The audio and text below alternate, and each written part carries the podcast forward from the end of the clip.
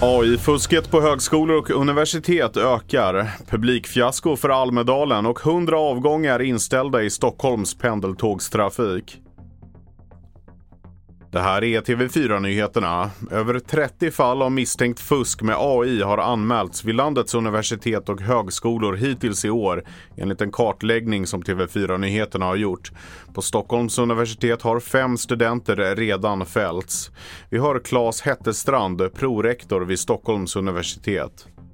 Alla de här fem fallen som vi har haft uppe hittills i disciplinen har lett till eh, disciplinära påföljder och det har varierat eh, från ja, en varning i de mildaste fallen till två månaders avstängning som mest. Jag tror att det bara är toppen på ett isberg egentligen och jag tror att vi kommer att få se mer av det här. Man kan till exempel eh, förvänta sig att det kommer bli mycket mer salsexamination i förhållande till hemexamination i framtiden.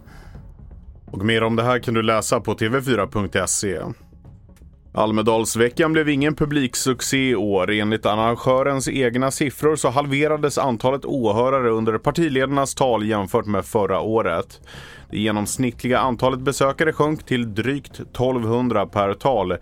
Enligt Almedalen själva tror man att det beror på att det var val förra året, dåligt väder under slutet av veckan och att politikerveckan fortfarande känner av effekterna av pandemin.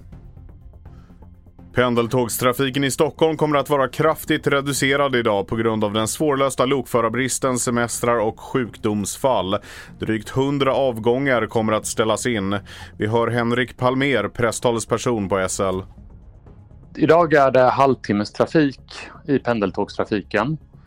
Eh, det är en ganska kraftig reduktion, eh, kanske ner till hälften av den ordinarie trafiken.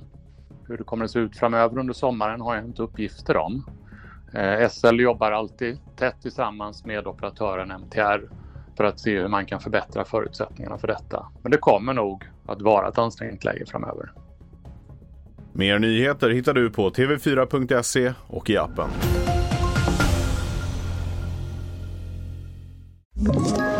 Ett poddtips från Podplay. I fallen jag aldrig glömmer djupdyker Hasse Aro i arbetet bakom några av Sveriges mest uppseendeväckande brottsutredningar. Går vi in med hemlig telefonavlyssning och, och då upplever vi att vi får en total förändring av hans beteende. Vad är det som händer nu? Vem är det som läcker?